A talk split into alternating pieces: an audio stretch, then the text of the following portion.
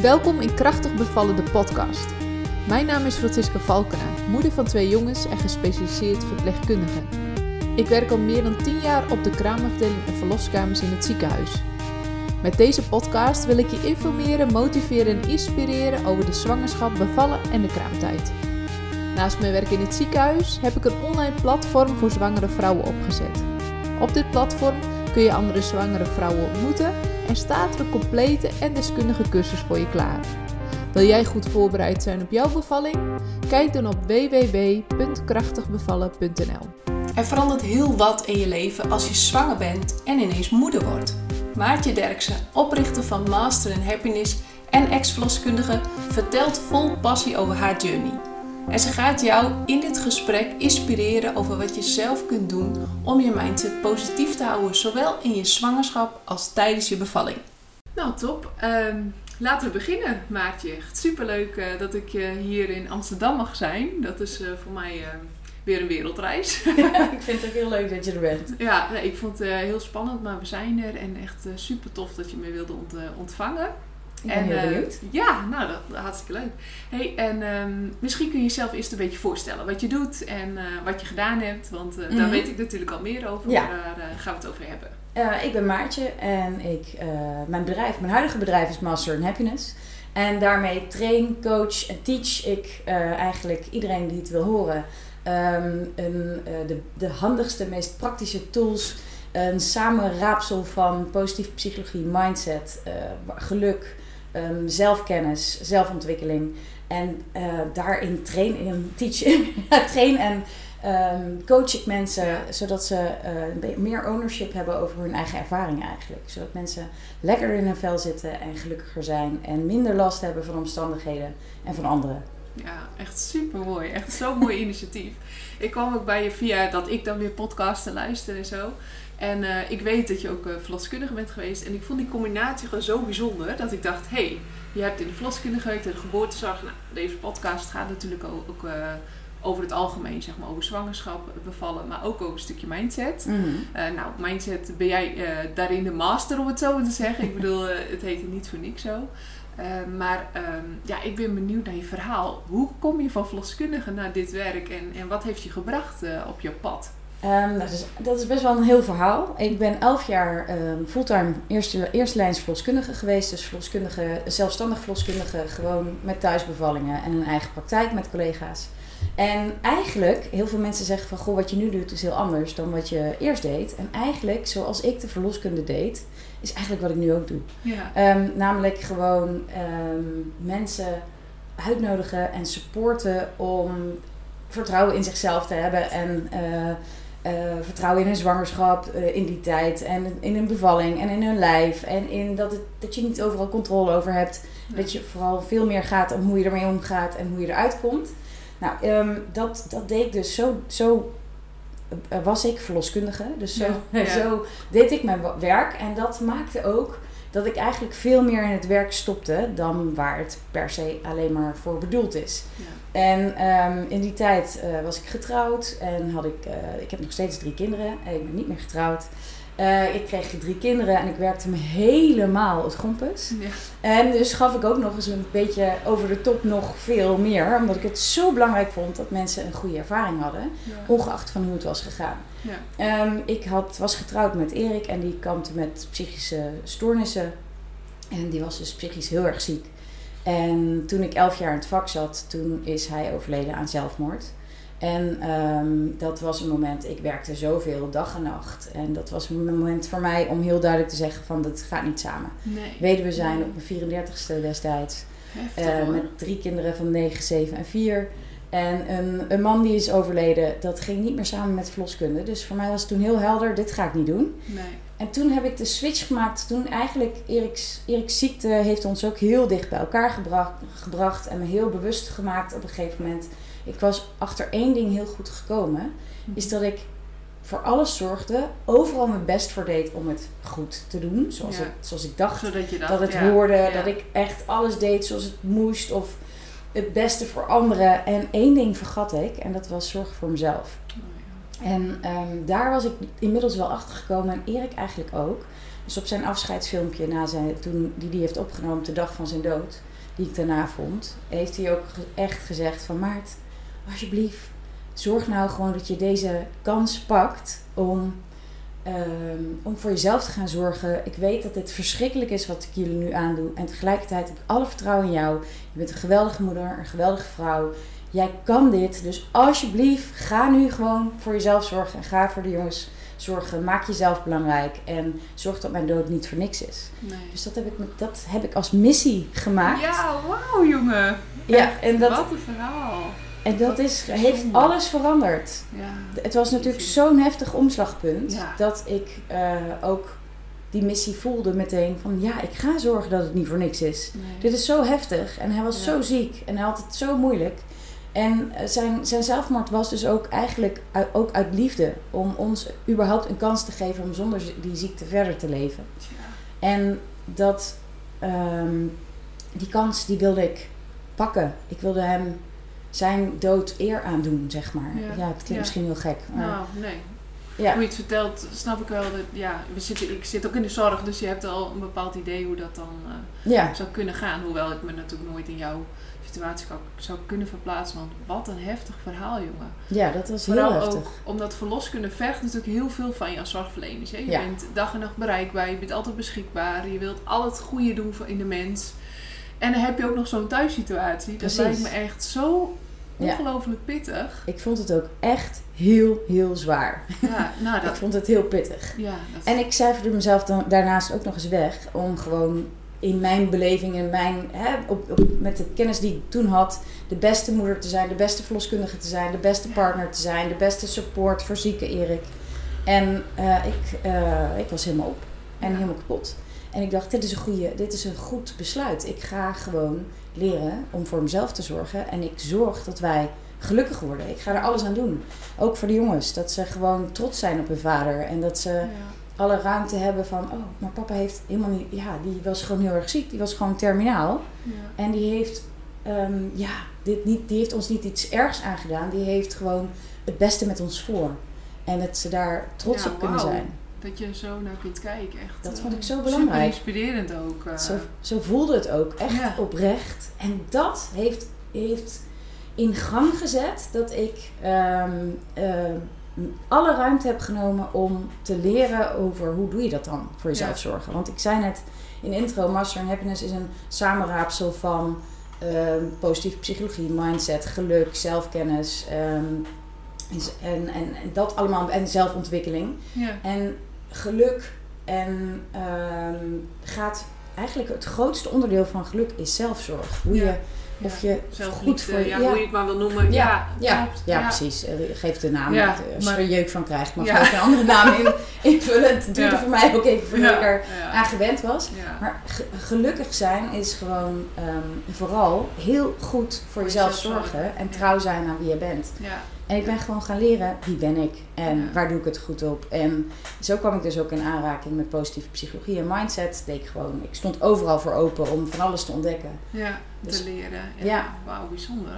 Want weet je, in de verloskunde, ja, je leert vooral ook voor een ander te zorgen. Dat Mhm. zit ook een beetje in je, ja, dat zit in je. Laten we wel wezen, mensen in de zorg zit vaak een stukje zorg. eh, Ja. Gewoon al vanuit een passie in. Mhm.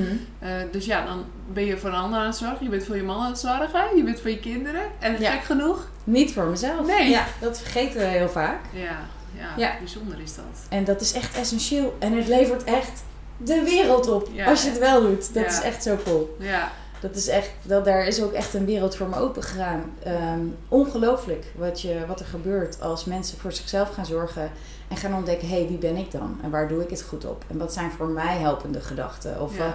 wat, wat denk ik hier eigenlijk over? En is dat wel handig of helpend? ja.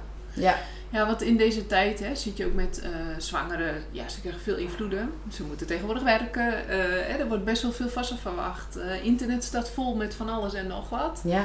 Ja, hoe, hoe kun je, heb je tips van hoe kun je nog goed voor jezelf zorgen in de zwangerschap? Hè? Hoe doe je dat eigenlijk? Ik krijg best wel vraag, vaak de vraag van... eh, ja, ik heb zo gestrest, maar die stress is slecht. En, maar dat levert weer stress op, weet Ja. je wel? Zo, zo Ja. zitten Ja. mensen dan soms een beetje... Nou, sowieso, eh, stress is aan zich, de eerste stress op- dus niet comfortabel voelen is eigenlijk een uitnodiging om iets te leren. Ja, En niet per se erg. Nee. Het is pas erg als je gaat stressen over stress. ja precies. Ja. Ja, dat, Dat is een goeie, ja. die, is, die is schadelijk. Ja, Terwijl je als je even gespannen bent, dan check even bij jezelf van wat, wat vind ik nu spannend? ja, En welk verhaal vertel ik mezelf? Vertel ik mezelf dat ik het beter zou moeten doen of anders zou moeten doen? Of dat is heel vaak de stress die we hebben in ons hoofd. ja, Dat we in gevecht zijn met iets wat er al gebeurd is, bijvoorbeeld. ja. Of Ja. dat we denken, oh, dit wat had ik nog anders moeten gebeuren. doen. Ja, of inderdaad, in ieder geval niet het nu. Nee, nee. En, ehm, en goed voor jezelf zorgen is onder andere heel erg gewoon in het nu terugkeren. Dat klinkt ook weer een beetje zweverig mogelijk. Maar goed, gewoon iedereen weet even- dan wel waar je het over Ja. hebt. Eh, Het, gewoon meer het moment pakken. Gewoon meer van, oké, wat is nu mijn situatie en wat is nu op dit moment zelfzorg? Ja, Wat is nu helpend voor mij? Wat is, en de ene moment is dat even doorpakken. En het andere moment is dat even slapen. En het andere moment is het even sporten. En het andere moment is even afleiding eh, in iets gezelligs. En het andere moment is juist even verveling. En je al je gedachten eh, gaan luisteren. Of ja, ja. Dat per moment is iets anders helpend. Er is niet één stappenplan naar... joh, zo doe je dat. Gelukkig Nee. zijn. Of zo doe je dat. Een Nee. goede mindset. Nee, dat is ook zo. En ehm, ja, waar, waar veel zwangeren nu ook wel een beetje mee kampen is dat er ehm, heel veel beschikbaar is, Mhm. maar ook vooral heel veel verteld wordt. Hè? Dus Ja. moeders die een verhaal delen op social media, eh, bevallingsverhalen. En het zijn vaak niet de meest rozigkleurige eh, verhalen, soms ook wel, maar Ja. nou het gros is toch. eh, en daar worden mensen wel ja, eh, door beïnvloed, Eh, Ja. soms zelfs angstig, gespannen eh, gemaakt. Eh, ja, Ik zou, ik zou ook. eh, het, het is natuurlijk heel verleidelijk om alles te gaan googlen en alles Ja. te gaan lezen. En ehm, je wil veel zorgvuldiger zijn dat als je iets begint te lezen, dat je veel, veel nieuwsgieriger bent naar: hé, hey, wat doet dit met me? ja, En welk gevoel krijg ik hiervan? En als jij een verhaal aan het lezen bent en je krijgt er een naar gevoel van, van, dan ben je in mijn beleving niet helpend bezig. nee. Dus als jij dus wat meer observeert, en dan hoef je het niet goed of fout te doen, want ik geloof niet zo erg goed en fout. Nee. Ik geloof veel meer in per moment wat is helpend Kijken. en wat is niet helpend. Ja. En dat je daar nieuwsgierig naar bent. En niet dat je boos wordt op jezelf als je merkt, hé, hey, ik ga hier helemaal van uit en mijn energie gaat naar beneden. Ja. Dat je ja. dan achteraf dan, dan denkt van, oh nee, wat heb ik nou gedaan? Nee, dat je denkt, oh wat goed dat ik dit ontdekt heb, dat Ja. ik het hier niet goed op doe. Ja. De volgende keer ontdek ik het eerder. En weer een volgende keer nog eerder. Dus Ja. dan ben je al voor jezelf aan het zorgen. Voor jezelf zorgen is niet alles goed doen. Voor jezelf zorgen is zodra- zodanig opmerkzaam zijn naar hoe het met jou gaat. Dat je, ik zeg altijd, het zijn dus, is een beetje je sensoren naar binnen zetten in plaats van naar buiten. Oh ja. Mensen Mooi. zetten natuurlijk heel veel sensoren naar buiten. Ja, zeker. Ehm, Eh, wat vindt die en wat vindt die en Ja. hoe zou het moeten gaan en wat is belangrijk en waar moet ik naar luisteren. Ehm, en zet wat meer de sensoren naar binnen van wat vind ik, wat doet het met mij, wat is helpend voor mij, waar doe ik het goed op. En dat kan nogmaals elke dag of elk moment weer een beetje. Ja, ja. ja. Ja. Dus hou je, niet, hou je niet vast aan bepaalde regels. Ben veel meer vrij om het eh, speels te ontdekken wat, wat er voor jou per moment werkt. Ja. En eh, veel zorgvuldiger nadenken over door wie laat je je informeren. Ja. Laat je informeren door altijd. Google. Ja.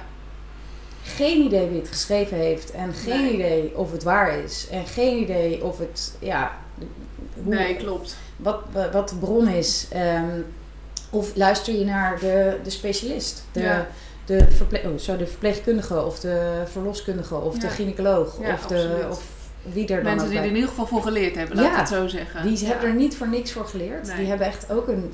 Die, die zijn dat niet voor niks gaan doen. Met Nee, best intenties om, dat, eh, om mensen echt te helpen en om hun kennis op een goede manier over te dragen. Ja. Ja. Ja, dat is wel. Ik denk dat dat een van, eh, van de punten ook is wat, wat eigenlijk heel belangrijk is. Hè? Vooral in je zwangerschap. Want je komt zoveel op je af. Dat is normaal. Ja. Hè, ik bedoel, er groeit ineens een kindje in je, hoe bijzonder ook. Eh, ja, er gebeurt ook van alles met je. En ook emotioneel gezien, hè, hormonaal, eh word je beïnvloed. Eh, wat soms heel positief kan uitpakken. Sommige vrouwen zijn heel blij en opgewekt. En, eh, terwijl anderen juist weer wat meer de andere kant op gaan. Misschien wat depressieve gevoelens Ja. of wat angstig. Ja. Ehm, en alles daartussenin. Ja. En eh, niks is gek of niks is raar. Alleen je moet er wel mee dealen. Ja. Hè? En dat is nog wel eens ja, waar, waar mensen mee worstelen. En ik denk dat dit een hele goede is. Van kijk naar nou ja, doe die sensoren naar binnen. Ja, ja. En kijk ook wat, wat laat je eigenlijk binnenkomen. Hè? Absoluut. Eh, En ook. Als ik jou zo hoor praten over het kan bij de ene zus uitpakken en bij de ander zo, dat is zo waar. En een van de grootste gelukskillers is vergelijken. Ja, dat is wel. Je ja. kunt geen mens eigenlijk met elkaar vergelijken. Ja, en we zijn ook geen bevalling. echt geen bevalling, geen zwangerschap, niet Nee. hoe je hormonen doet, niet hoeveel kilo je aankomt, Ja. niet hoeveel uur een bevalling duurt, niet hoeveel Pijn. vruchtwater je hebt of hoeveel pijn je ervaart. Of Nee. je pijn hebt bij het persen of bij de ontsluiting of daarna of met nawee. Je Ja. kunt het niet vergelijken. Nee. Je kunt het wel doen, alleen daar word je heel ongelukkig van. Ja. Want dan hou je ergens, dan, dan leg je ergens een normaal neer Ja. of een referentie. En dan ga je jouw verhaal of jouw ervaring vergelijken met iets wat jij ergens gelezen of gehoord hebt. Ja. En zodra je gaat vergelijken, is er altijd iets beter of slechter. Of mooier of lelijker. Of ehm, normaler of abnormaler. En dan, dat, daar word je ongelukkig van. Ja, ja, ja. ja en dan, dat maakt dat je verwachtingen soms ook nog eens ja, eh, onrealistisch worden. Hè? Zeker. Soms komen vrouwen bij me en die hebben dan een verhaal dat ik denk, waar heb je dat überhaupt weg? Dat Ja. gaat, helemaal, gaat het helemaal niet zo. In de praktijk zie je dat, of het is een hele uitzonderlijke situatie waarvan ik denk, joh, dat gebeurt nou bijna nooit. Ja, Hè? Het zal wel heel toevallig zijn eh, dat jou dat overkomt. Maar dan toch is dat al zo groot in hun hoofd Ja. dat het ja, zo belemmerend werkt eigenlijk. Ja. eh, waardoor je daar weer nou, last van kunt hebben. Ja, waardoor je juist weer inderdaad niet alleen maar belemmerend, de, de, je jezelf belemmert in, in de zin van stress, maar ook gewoon als je zo in weerstand bent in jezelf of zo in angst, dan heeft dat ook invloed op je lichaam. ja, Dus dan heb je weer niet helpende invloed op ja, hoe het, hoe het in jouw lijf voelt. Want jouw lijf luistert gewoon heel leuk mee met wat jij denkt. ja. En ik, ik zie dat ook altijd bij een bevalling. Hè? Dan, dan sta ik bij een bevalling en dan zie je nog dat iemand er niet echt lekker in zit. Weet je wel? Mhm. Dan, dan zie je nog dat ze in, met één been in die bevalling zitten. En die Mhm. andere been, dan zeg ik altijd, waar ben je? Ja. Want je zit nog niet in die bevalling. En vaak als ze zich overgeven aan zo'n bevalling, of het nou bevalbeul is, nou ja, wat je er ook maar aan geeft, Ja. hè, eh, geef het een naampje. Maar als je eenmaal ziet dat ze zich overleveren aan het bevalproces, om het zo maar even te noemen, dan pas zie je dat het lichaam ook ja, heel helpend is. En soms ook gewoon Absoluut. veel, veel vlotter Ja. is. Dat je denkt, oh, Ja. dat was er voor nodig. En het kan iets heel kleins zijn tot iets heel groots. ja. Eh, maar dat is eigenlijk al. Dat is in ieder geval helpend. En weet je, het Ja. gaat ook als je met één been erin zit. Ik bedoel, het komt Jawel, uiteindelijk wel. Uiteindelijk Dus er zijn eigenlijk door. geen voorwaarden. Nee, Ehm, want die bevalling die gaat wel gebeuren. ja.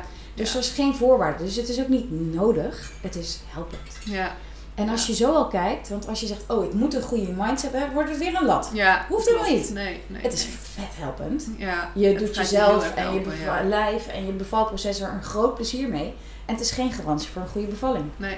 Nou, En wel- omstandigheden zijn niet altijd te bepalen. Nee, heel veel niet zelfs. En je hebt er wel inderdaad eh, een stuk, het stukje invloed wat je hebt, Ja. dat is grotendeels in je koppie. ja, tussen je oren. Ja. En als het niet lukt, dan laat je dan helpen door mensen om je heen. Creëer, eh, maak goede afspraken met degene die bij je bevalling is. Ja. Of eh, ook al is dat een, iemand die je op dat moment ontmoet. Dat Ja. maakt niet uit. Je Nee. kunt alsnog zeggen van, oh ik vind dit fijn. Of ik vind dat niet fijn. Of ik vind dat wel fijn. Ja. Nou ja, nu tegenwoordig hebben ze in het leven geroepen de geboorteplannen, bevalplannen, hoe je het maar ook noemt. Op zich is dat wel een mooie eh, methode, zeg maar, om iets bespreekbaar te maken. Omdat ja, Ja. vrouwen op een of andere manier, en dat vind ik altijd heel bewonderingswaardig, maar het is heel lastig soms om uit de vrouw te halen wat haar echt gaat helpen. Ja, Want ze wil je niet tot last zijn. Hè? Bij vrouwen denken, nou weet je, ze heeft het al druk genoeg. En Terwijl ik denk, ja, maar dat is nou juist waar wij je zoveel mee kunnen helpen. Dus ja, ja. ik zou ook zeker eh, aanbevelen om meer jezelf uit te spreken, ook tijdens zo'n bevalling. Zeker. Wat vind je ja. fijn? En, wat En niet met volzinnen. Dat mag gewoon met korte woorden. Ja, niet een heel plan van A tot Z. Nee, Nee. nee. En het is ze- zeker helemaal niks mis mee met om het een beetje al eh, een plan te maken. eh, en Ja. en de, daar zit natuurlijk, bij alles heb je eigenlijk. En alles heeft een helpende kant en een niet Ja. helpende kant. Absoluut. Eh, Zo'n plan, de helpende kant, is dat je daarover nagedacht hebt. En misschien al dat je zorgverleners een idee hebben over wie jij bent en wat jouw wensen zijn. En wat eventueel zou kunnen helpen. En dan nog Ja. ben je nog nooit in de situatie geweest van die bevalling. nee, Dus je hebt zelf ook nog geen idee. Al ben je tien keer bevallen, weet je niet hoe de elfde keer gaat. nee, zeker niet. En eh, elke keer kan iets anders helpend zijn. En daar zit weer de niet helpende kant van het plan. Namelijk als je eraan vast gaat houden, dat, gaat Ja. houden dat het zo zou moeten lopen. Ja. En daarin zit weer een stukje mindset. Dat je denkt, oh, ik zet dit als een stip op de horizon. En dit zou ik fantastisch vinden. En ik, ik, ik zeg altijd, ik laat de vorm los. ja. Dus ik En we laat- zien wel hoe we er komen. Ja, en, Ja. en of we er komen. Ja. Ik zou heel graag dit willen. Dit is mijn wens en mijn verlangen. En daar zet ik alles op in. En ik zie al voor me dat het fantastisch gaat. En ik laat los hoe het daadwerkelijk gaat. Ja, En ik kies vertrouwen dat het gaat zoals het gaat. En dat ik dit kan. Ja. Ja. Bijzonder. En dat er goede mensen zijn die om me heen die me helpen. Ja, ja, leuk. Ja, dit stukje zit ook in de cursus. Dus het is wel heel grappig dat je het zo, ja, dat je het zo, eh, ja, dat je het zo zegt. Maar, eh, ja, maar ja, ik denk, ik denk dat dat een hele goede is. Hè? Dat je, je hebt, in feite weten we ons einddoel al. Hè? Dat is die geboorte natuurlijk. Hè? Dat Ja. je een kindje op de wereld zet. Ja. Eh, maar ja, hoe je daar precies, welk pad je precies gaat volgen. Ik zeg ook wel eens, ja, weet je, er zijn honderd wegen naar Rome. En ja, je pakt er op een gegeven moment, is jouw pad ergens. En Ja. dat, En dat ga je pad kan ook weer een, een, een afslag nemen. ja. En nog één, en nog één, Ja. en nog één. En dan is er een wegversperring. En dan, ja. ja. Je weet niet hoe je er gaat komen. En Nee. hoe meer je dat loslaat. En het, eh, je- een stukje overgave. Ja. Dat kan onwijs helpen. Ja, En ook gewoon, eh, no matter what. Eh, het gaat om, in precies wat je zegt. Het gaat erom dat je uiteindelijk die geboorte plaatsvindt. En dat je een Ja. baby in je armen hebt. ja. En dat is, dat, de, dat, dat is waar, waar je voor gaat. En niet per se om hoe je daar komt. Nee, nee. En als, eh, als verlo- verloskundige, om even een stukje terug te gaan. Ja? Je zei elf jaar, wat, wat, wat drijfde jou in je werk? Je zei al een stukje mindset, vond ik heel, heel fijn, heel belangrijk. Hoewel ik dat toen nog niet als mindset had Nee, oké. bestempeld. Dus ik, wat ik heel erg belangrijk vond om bij te dragen aan de beleving van eh, de barende en haar partner. Ehm, Ja.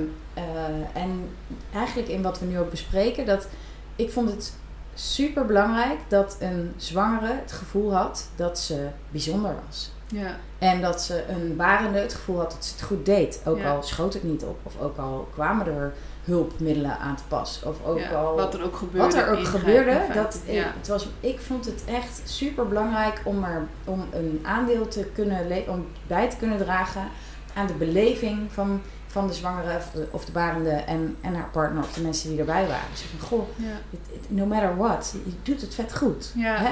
En oké, je dit is tegen. bezig. Ja. Ja, ja. En ook van, oh wow, je bent zwanger. Of wow, je bent aan het bevallen. Of wow, je bent al bevallen. ja. Je hebt deze baby, wow. Ja, Om meer besef te creëren van, goh, kijk eens hoe, hoe bijzonder dit, is. ja. Ja. En, en, en wat minder belangrijk maken, hoe ben je er nou gekomen? Of, ehm, of is het nou Wat allemaal er gegaan zoals je gehoopt had?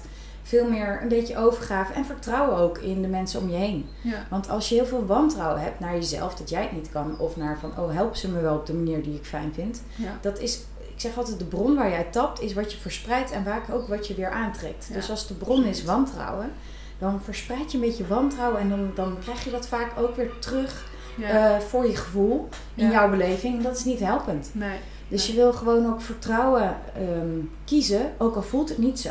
Nee. Dat is ook nog eentje, ehm, wat heel belangrijk is in mijn huidige vak. Het hoeft niet in het moment zo te voelen om wel te besluiten dat je het zo gaat zien. Ja, ja bijzonder. Dus je kunt gewoon zeggen van ik vertrouw erop, terwijl je nog wel angst voelt. Ja, Dat kan gewoon. ja, ja. En, ehm, dus, en daarmee hoef je die angst niet weg te maken. Je kunt zeggen van oeh, ik voel een beetje spanning en angst. Het ik is vind het spannend ja, en ik kies vertrouwen. ja, En dan gebruik je je mind, ondanks los van of het al zo voelt. En Ja. dan help je om dat gevoel te laten groeien. ja, En soms gaat het maar een heel klein beetje bij, per beetje. Hè? Dan blijf je die angst nog steeds voelen. En het helpt echt om jezelf steeds te zeggen, ik kies vertrouwen. Ja, Ik kan dit. Ook Ja. al voelt het nog even niet zo. nee, nee. Het hoeft nog niet zo te voelen. Nee. En ik denk ook dat de partners hierin een hele belangrijke rol spelen. Althans, ja, op platform neem ik de partners er ook heel erg in mee. Want wat ik dan wel zie op de verloskamers is dat die partner daarna zeggen, die zeggen, oh wat erg, oh jeetje, nou dit doet pijn, oh ik wou dat ik het over kon. Maar dan denk ik, het is super lief bedoeld, Mm. alleen het is niet helpend. Hè? Als jij, wat jij net ook zei, en je staat naast je vrouw en je zegt, joh, wat doe je het goed en ik vertrouw op je dat je dit kan en je zet ons kind op de wereld. Ja, dat is heel anders. En Ja. je ziet ook vaak die vrouwen helemaal warm worden. Zo van, oh ja, hij vindt ook dat ik het goed doe. Of Ja, hij, zeker. of hè, wie dan Ja. ook maar bij je bevalling is. En een stukje erkenning is niks mis mee natuurlijk. Van, ik zie dat je het fucking zwaar hebt. Ja, ja, en je doet het toch goed. heel erg super ik ben goed. super trots op je. En ook uitkijk gewoon, er, nogmaals, er is niet één manier. Nee. Sommige vrouwen worden, gaan je slaan als je zegt dat je Ja. het goed doet. Want die zeggen, goed doen, goed doen. Dit doet, weet je wel hoeveel pijn het doet? Ja. Die denken echt, eh smoelau, nou. Ja. ja. Is- En ook dat is goed. Ja, dat ja, maakt niet uit. Ja. Nee, precies. Veel meer eh, eh, een beetje spelen. Ja. Wat Ja. is een beetje, er is niet één manier. Nee. Er is eh, ook niet één manier per bevallen, bevalling en één manier was dat per maar zo. Ja, dat was heel of handig. dat je denkt van oké, deze bevalling is gestart en Ja. eh, ik, ik doe even drie, drie testjes en ik weet hoe ik deze dame moet aanpakken. Nee, dat is, Nee. zo werkt het niet. Nee. In nee. elke fase werkt ook weer wat anders en veel meer openheid en, en ehm, om, te gaan laten, om te gaan ontdekken wat werkt er in dit moment. Ja. En het is ook lastig, hè? want je hebt, weet je, het is ook een, een bepaalde. Hè, heel veel vrouwen zijn bang voor de pijn dan. Hè? Mhm. Daar, daar krijg ik de meeste vragen over van, oh, die pijn. Ja, Eh, maar aan de andere kant denk ik ook wel eens, ja, die, oké, de pijn is er. Het heeft een doel in dit, in dit geval. Niet dat als je je stoot en zo, ja, is het een alarmsignaal. Maar je hoeft, hè, je hebt er niks aan. Mhm. Dit brengt je daadwerkelijk ergens. En ehm, wat, wat ik even wou zeggen is dat ehm, als je die pijn dan gaat inbeelden van tevoren al, dan denk je, ja, maar je, je weet niet hoe het dan voelt. En dan Nee. zegt iemand, ja, maar ik heb een hele lage pijngrens. Of juist een hele hoge pijngrens. Maar ik denk, maar wat is een pijngrens? dat Weet weten we ook helemaal Nee, niet. dat heeft iemand een keer bedacht. Zo van, Ja. er is een grens. Maar ja, nee. eigenlijk weet je helemaal niet. En dat ligt bij iedereen anders. Dus je, kan, je hebt helemaal geen pijngrens. Er bestaat geen pijngrens. Dat zeg, ik hoor het namelijk vrouwen heel vaak zeggen Ja. van ja, ik heb een laag of hoge pijngrens. Ik denk, ja, maar wie heeft dat bepaald dat er iets En hoog dat of zegt laag niks is? over de soorten pijn. Want Nee. iemand kan misschien heel hard eh, schelden als hij zijn eh scheen stoot. Ja, En die gaat als een zonnetje door de baring heen. Het, Ja. het is, je wil het niet, wederom niet vergelijken. Je hebt geen idee hoe Nee. een ander het ervaart. Of, en je weet eigenlijk, zodra je bevallen bent, weet je eigenlijk al niet meer de pijn. nee, nee, heel bijzonder. Als je een keer een migraine hebt gehad of je been hebt gebroken, of ehm, dan zit je er middenin en dan denk je, oh, niet Dit te doe- doen. En ja. dit, dit, oh, dit is echt vreselijk en dit ga ik altijd onthouden. En zodra Ja. die pijn weg is, ben je hem eigenlijk alweer vergeten. ja, Dus het heeft geen enkele zin om je van tevoren een voorstelling te maken van de pijn. Nee, En het heeft wel zin, in mijn beleving dan. Ik praat puur vanuit mijn beleving. Het hoeft niet goed te zijn, het hoeft niet juist te zijn. Het is Ja. mijn uitnodiging naar iedereen die op welke manier dan ooit naar me luistert. Om eruit te pakken wat voor die persoon op dat moment misschien wel helpend zou kunnen zijn. Helemaal niet om de waarheid te prediken. Maar om, waar was ik weer gebleven? nee, je zou over de pijn beginnen. Ja, precies. Ehm, oh ja, dat je niet wil intunen op de pijn. Dat je van tevoren, maar dat je wil, eh, wel al wil besluiten. En dat Ja. is weer zoiets, het hoeft nog niet zo te voelen. Je mag Nee, bang zijn, van, een, een angst voelen voor de pijn.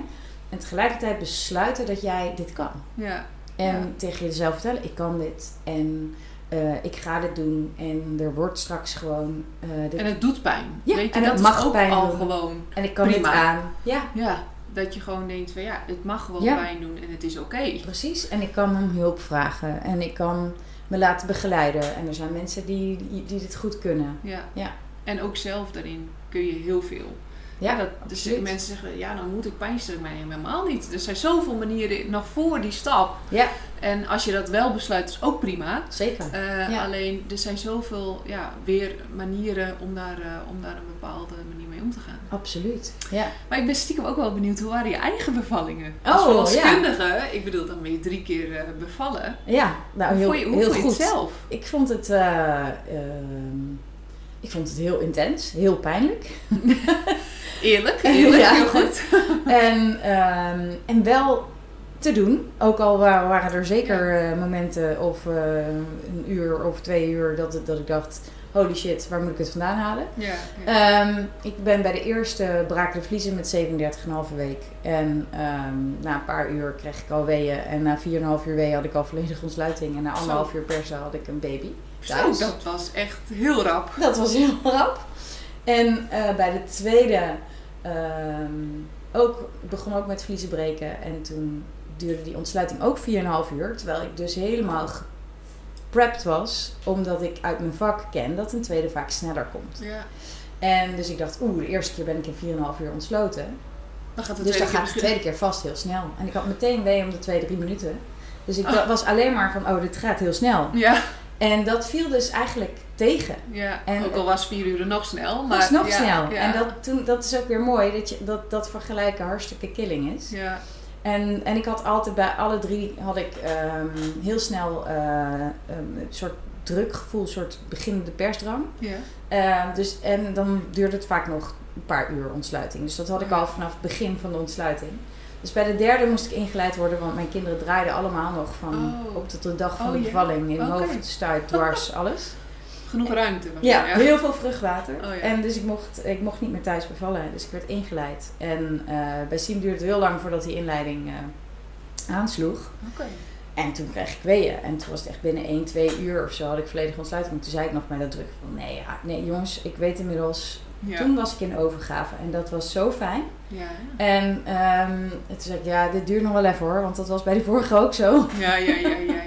En dat was niet zo. En die kwam er ook echt vlot uit. Die, die, dat, was, dat was mijn makkelijkste bevalling. De derde. Ja. Bijzonder. Ja. En ook dat kan er weer heel erg verschillen. Hè? Sommige zijn van de eerste, Ja. duurt het heel lang of heel kort. ja. En dan de tweede, daar is ook geen pij op te trekken, zeg ik Nee, altijd. er zijn wel gemiddelde en statistieken. Ja, En zeker. daar heb je niet zoveel aan als individu. Nee, Maar, eh, nee helemaal kunt- niks. Nee, nee, nee. nee. Dus je kunt maar beter eh, gewoon het laten gebeuren zoals het gebeurt. Ja, En zoveel mogelijk overgeven. En gewoon lief zijn voor jezelf in je hoofd. En niet, eh, ik zeg altijd, zo min mogelijk in gevecht zijn met wat is. ja, Als je in gevecht bent met de weeën, zijn ze zoveel zwaarder. ja. Meegaan. Ik zeg ook altijd, ja, zie het als een beetje een oceaan of zo, weet je. Dat, je ziet nooit de golf andersom denken van... hé, hey, ik ga de, de andere kant op of zo. Dat, Nee. dat werkt niet, hè. De Nee. natuur werkt ook zo niet. Nee, je kunt... eh, Het is gewoon één kant op eigenlijk. Ja. En, en ja, zo- hoe meer je daar naar meegaat, hoe meer je het eh, gaat helpen. ja. En wat je ook zegt, weet je, er is geen bevalling. Ook al ben je meerdere keer, ik ben zelf ook twee keer bevallen. Ik heb ook twee compleet verschillende bevallingen. Eerste thuis, tweede in het ziekenhuis. Wel wel, precies zoals jou. Zes uur in de eerste. Ik dacht de tweede, nou dit wordt een eitje. ja. En dat was het helemaal niet. Nee. Eh, maar toch eh, eh, maakt dat het ook wel weer ja, zo bijzonder eigenlijk. Dat, Ja. dat het gewoon op alle manieren kan. En alles is goed. Ja. Uiteindelijk heb je het eindresultaat. Hoe dan ook. Precies. En ik ben super dankbaar dat ik zo fysiologisch, zoals we dat in het vak noemen, bevallen ben. Dus zo, zonder toeters en bellen, oké, een inleiding, maar verder echt twee keer thuis. En bij die derde ook meteen naar huis. Dat is echt, dat is ehm, een Ja, enorm fijn. voorrecht. Ja, absoluut. Ik zeg altijd, het is geen voorwaarde. Nee. Het is voorrecht. Ja. Als er iets gaat zoals jij hoopt dat het gaat, vier het. Ben Ja. dankbaar. Waardeer het. Ja. Ben er helemaal blij mee. Ja. En oh, zo van wauw, dat is gewoon goed gegaan. En als het totaal niet is gegaan zoals je wilt, dan is het niet in- in min. Want het was geen voorwaarde dat het Nee. ging zoals je hoopte. Nee. Het, je hoopt het wel voor jezelf. En dat is weer mooi dat je het voor jezelf hoopt. En wat als er nou iets niet gebeurt wat je wel voor jezelf gehoopt hebt, had, ben dan lief en zacht voor jezelf. Van wat jammer voor mij dat het anders is gelopen. En wat fijn dat die baby er toch is. Ja. Ja. Ja. Dat je, dat je er altijd een combinatie tussen erkenning, wat er is, zowel van, elk gevoel of van hoe het is gegaan, en een helpende, helpende gedachte daarover kiezen. Ja. Helpen, helpende overtuiging. Ja. Mooi, mooi. Je hebt het echt heel eh, mooi verwoord. Ik denk dat dat... Ja, als je daar bewust van bent en je, je neemt dat mee, dat, dat, dat gaat mega helpen. Ja, en ook als je, ja, precies. En ook als je, en dat is niet alles wat in mind gebeurt, dat gaat om herhaling.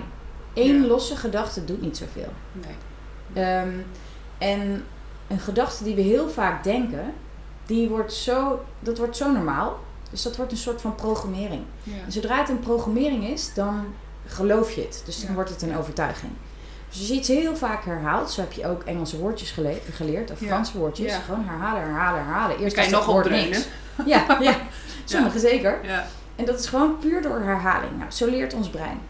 Ja. En als we het eenmaal geloven, dan volgt ons gevoel. Ja. Want als je echt ergens van overtuigd bent, dan voelt het ook zo. Ja, klopt. En als En dan hoeft het dan niet eens waar te zijn, hè? Nee. Maar wat is waarheid? Ja.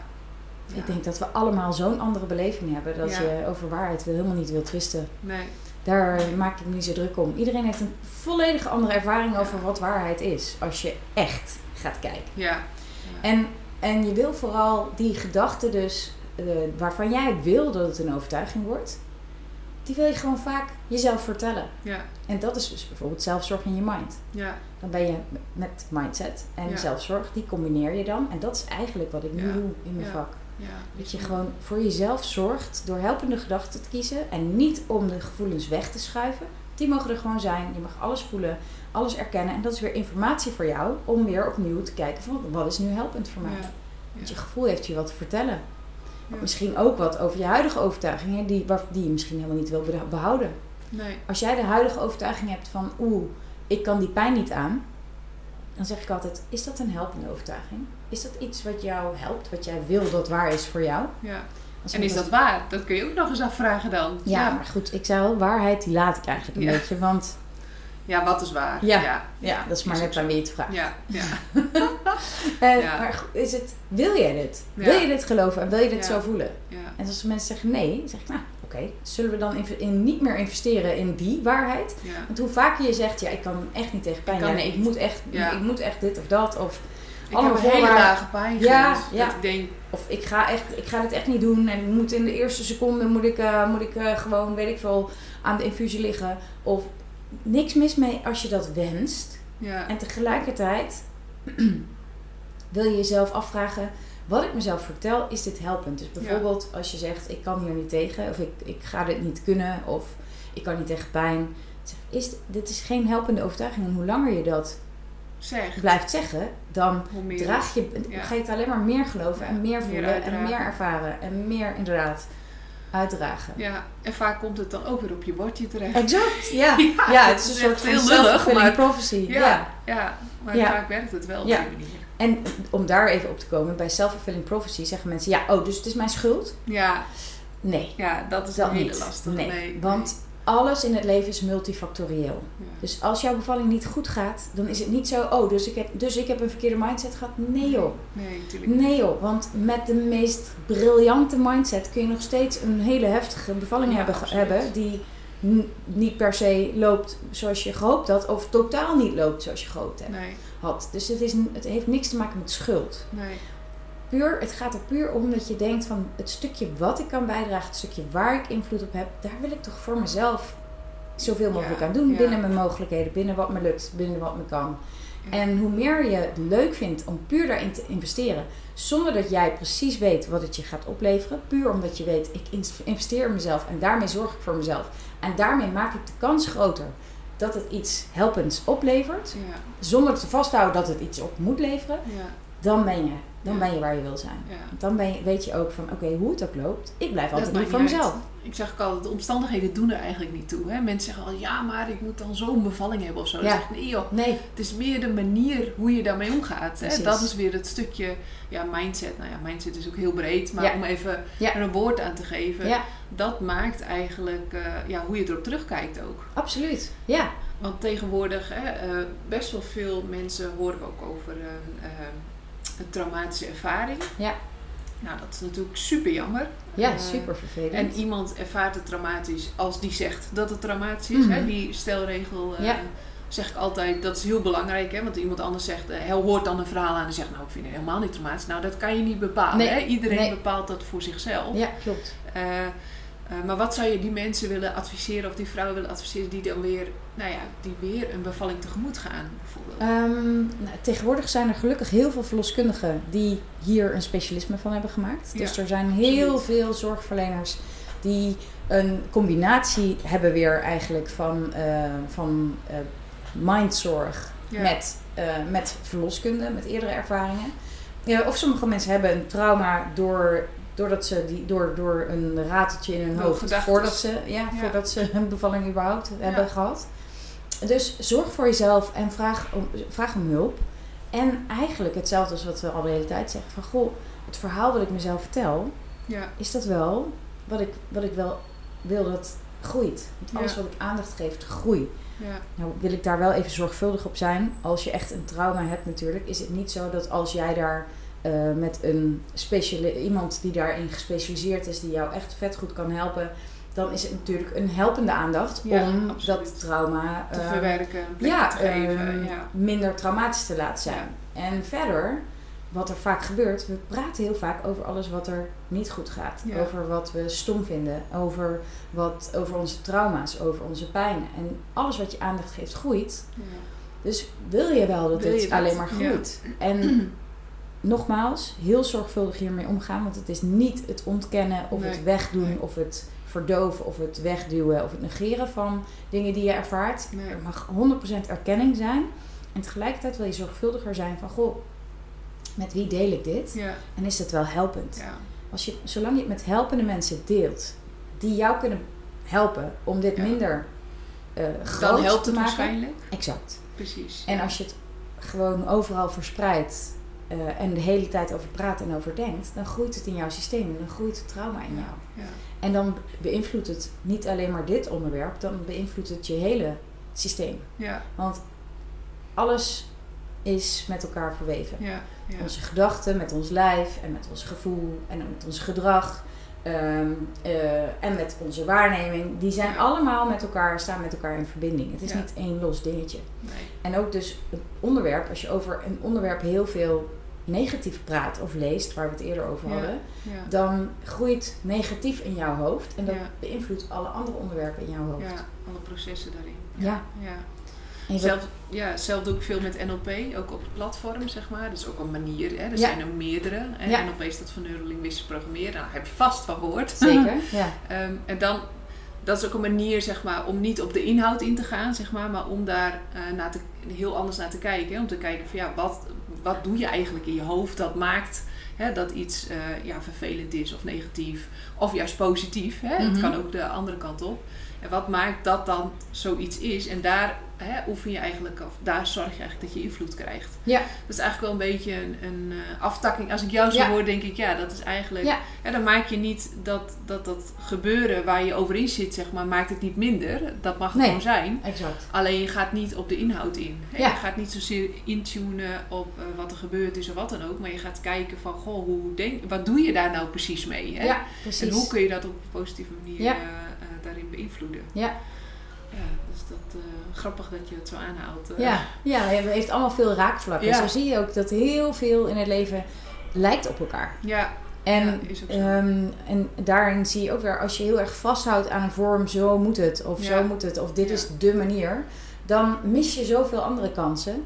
En ontdek veel meer jouw unieke zelf en jouw unieke moment per moment van wat, Ja. wat helpt mij nu? ja. En wat er nu in mijn hoofd gebeurt, of wat ik nu doe, of wat ik nu waarneem, of wat ik nu voel, is dat helpend? En kan ik mezelf helpen door mezelf een andere richting te geven? Door Ja. misschien eh, iets anders groter te maken, iets anders te laten groeien. Bijvoorbeeld het vertrouwen in mijn lijf, dat ik dit kan. En dankbaar voor alles wat wel goed gegaan is. En eh, lief zijn voor mezelf waar ik eh, dingen niet fijn vond. En dat dat oké is en dat ik dat mag vinden. Ja, ja. Ja.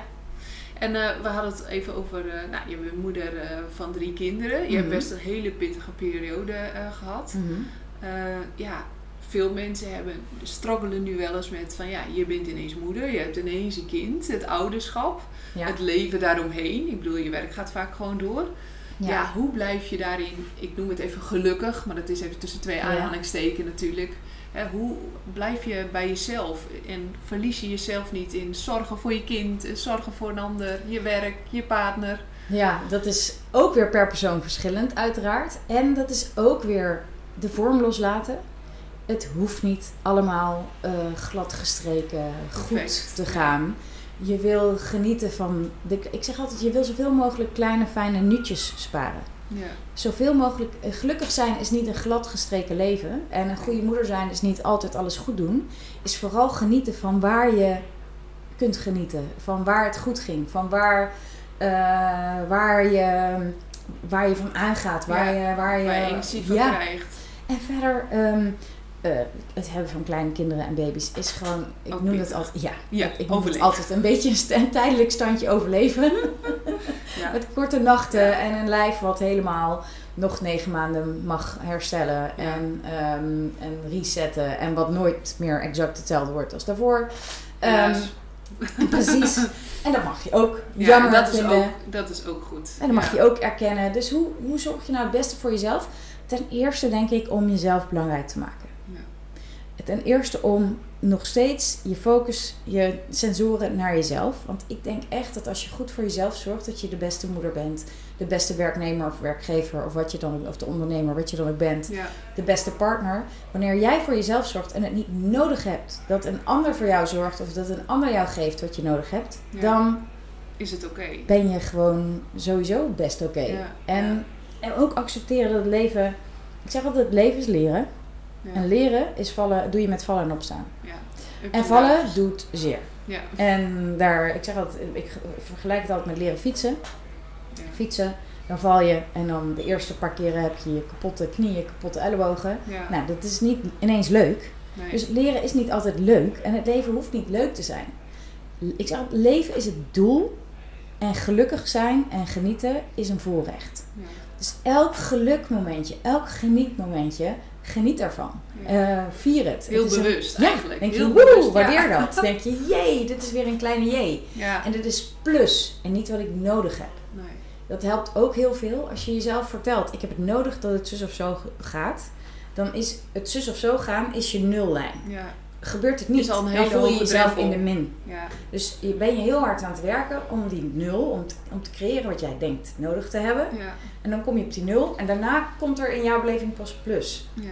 Terwijl je zegt, ik zie hoe het gaat en ik programmeer mezelf zo dat ik, ehm, ik besluit, ik bepaal gewoon dat ik alles wat goed gaat, dat ga ik gewoon zien. Ja. Dat is mijn missie voor vandaag. Alles wat lukt, daar, eh, daar, daar, ga, daar zet ik mijn eh, focus op. Ja. En als wat niet lukt, ja, oké, dan wil ik lief, lief voor mezelf zijn. Als ik ben gevallen met de fiets, dan wil ik toch gewoon eventjes eh, op de bank kruipen en even herstellen van, van, Van een val. van een val. Ja, Ja, dan hoef ik ja. toch niet meteen door te jakkeren om weer iets nee. te bereiken. Gewoon ben wat chiller. Ja, wat, wat makkelijker liever. en Ja. wat liever voor jezelf. Vraag niet zoveel. En, en zet niet die, dat doel dat het alleen maar leuk hoeft te zijn. Nee.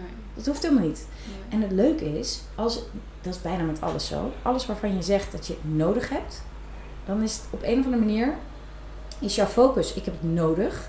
Dus dan is jouw focus zodanig dat alles wanneer je niet krijgt wat je nodig hebt, dat valt je heel hard op. Ja. Ja. Dus dan voelt het eigenlijk continu als in de min. Ja. Terwijl als jij zegt, ik heb het niet meer nodig, want dat geef ik mezelf, dan voel, is jouw focus dus, ik heb het al. Oh. Waardoor jij in je, in je leven de hele tijd juist ziet waar het ook is. Ja. Dus vaak word je een soort van magneet voor hetgene wat je niet meer nodig hebt. Terwijl je een soort van afstootmechanisme hebt in Ja. jezelf. Wanneer je jezelf vertelt dat je het wel nodig hebt. Ja. Dus juist, hetgeen, juist als jij niet meer denkt, ik heb het nodig dat het goed gaat, gaat het vaak beter. Ja. En dat Het grappige is dat je het dan. Ik, ik, ik- het komt ineens in me op hoor. Dat, ik, dat, dat had ik met mijn huidige partner. hè, Die ken ik al eh, heel lang. We zijn inmiddels ook al heel lang getrouwd. Die heb ik ontmoet in 2009. Mhm. En eh, ik, nou, op dat moment dacht ik, oh, het lijkt me echt leuk om vast te partneren, maar nu niet, want ik ga drie maanden naar Afrika. Ja. En ik ging toen drie maanden naar Afrika in het ziekenhuis werken. Maar ik dacht, dat is nu niet handig, maar voor de toekomst zou ik dat heel fijn vinden. Ja, Nou, dan ben je er niet mee bezig. En wie komt er op mijn pad? Mijn huidige man. ja, Dus, ja, precies. hè, dat is Terwijl ja, je denkt, heel ik, bijzonder. Ik, ik, ik, ik wil het echt per se nu en Ja. het moet zo gaan en ik zou het zo graag willen en ik wens het zo. Ja, als je het ook maar een stukje nodig hebben in je eigen systeem herkent, dan weet je dat je eigenlijk jezelf in de niet helpende kant programmeert. Dat de kans juist groter is dat je focus is op alles wat het niet is. Ja. Met zwangerschap zie je dat bijvoorbeeld ook heel erg. Ja. Hè? Mensen willen zwanger worden. Ja, dan wil ik zwanger worden. Dan denk ik altijd, oeh. Ja, ja, ja dat is Eh. ook wel zoiets waar je echt volledige overgave, waar je Ja, eigenlijk. Echt, de ene wordt zwanger als hij het niet wil en de ander wordt zwanger als hij het eh, niet zwanger als hij het wel wil. En Ja. daar, oh man, ja, Ja, en vaak zie je ook. heel uitdagend ook. Ja, en sommigen hebben een heel traject gehad waarin het niet lukte. En daarna zeggen ze, nou weet je, we hebben geaccepteerd dat het niet lukt. En plomp, Ja, dan zie je het ook wel. Ja, Ongelooflijk. kan echt op alle soorten manieren. En ik wil niet zeggen dat het altijd zo is, maar Nee. je ziet het wel eens en dan denk je, ja, ongelooflijk eigenlijk. Hè? Ja. Dat dat, eh, Ja. ja. bijzonder dat dat... Het kan. zou een minuscuul schakeltje kunnen zijn en het kan iets bijdragen. Ja, zeker, absoluut. En dat is wat je eigenlijk wil doen. Je wil al die dingen waar je geen invloed op hebt, Ja, minder belangrijk maken in je focus. En veel meer aan overgeven en met die stroom, met die oceaan meegaan. ja, ja. En, eh, en je wil alles waar je wel invloed op hebt, daar wil je gewoon in investeren. En niet om per se, niet voorwaardelijk, van Nee. ik doe dit. Want- Omdat het mijn doel moet bereiken. Ik doe dit omdat het goed is voor mij. Omdat ik daar beter op doe. Omdat Ja. ik dan voor mezelf zorg en mezelf geef wat ik mezelf kan geven. Ja. Ik oefen mijn invloed uit en daar word je gewoon veel gelukkiger van. En veel chiller. Waardoor dus... eh, Ook die baby chiller is. Ja, en je bevalling, maar ja. hè, ja. Ja, het, het draagt altijd iets bij. Ja. Ja. Ja. ja. En, en dan dus ook, ehm, als jij je niet chill voelt, ehm, dan wil je niet boos worden. Dat is er dan al. Dus dan zeg je, oh, ik erken dat ik me even niet zo chill voel. Oké, wat is helpend als ik me niet zo chill voel? Ja. Nou, even oké zijn met me niet oké voelen. Ja. Dan is de niet oké voelen, die is er wel. En vervolgens zeg je, ik ben er oké mee dat ik me even niet oké voel. En ik zeg altijd, everything shall pass. Ja. Ook dat gevoel. Ja. Elk fijne gevoel gaat weg en elk Negatief gevoel. negatief gevoel gaat weg. Absoluut. Alles, alles is vergankelijk. Ja. Ja. Alles is tijdelijk. Ja. Dus hecht je je wat minder aan hoe het nu is. Ja. En, eh, Geniet juist van die ja. mooie kleine dingen. Ja, Ja. absoluut. en weet dat alles gewoon ook weer voorbij gaat. Ja. ja, bijzonder. Bedankt. Ja, Ik denk dat dit een hele mooie afsluiter is. nou leuk. ja, super bedankt. eh, dat Jij ook. eh, eh, dat ik je mocht interviewen. Echt tof. Heel leuk om zo lekker even over te kletsen. Ja, Jij over je oude vak. Ja, over mijn oude vak. En ja, en vak. nu je nieuw vak. Ja, Ja. toch? Het is in elkaar, eh, eigenlijk in elkaar verweven. Zeker. Ja, thanks. Jij ook. Deze podcast dient als inspiratie en voorbereiding op jouw zwangerschap en bevalling. De informatie die gegeven wordt kan handig zijn voor jou, maar het kan niet worden gezien als een medisch advies. Voor meer informatie over hoe jij je het beste kunt voorbereiden op jouw bevalling, ga dan naar www.krachtigbevallen.nl, het online platform voor zwangere vrouwen.